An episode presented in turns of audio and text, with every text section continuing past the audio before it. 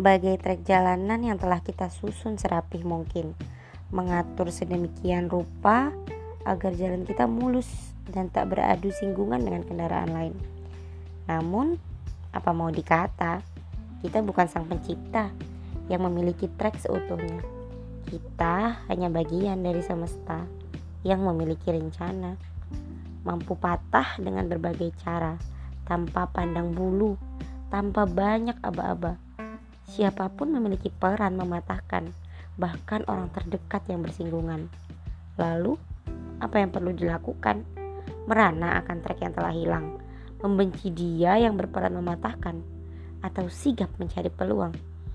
Tentukan pilihan, itu tugas perencana.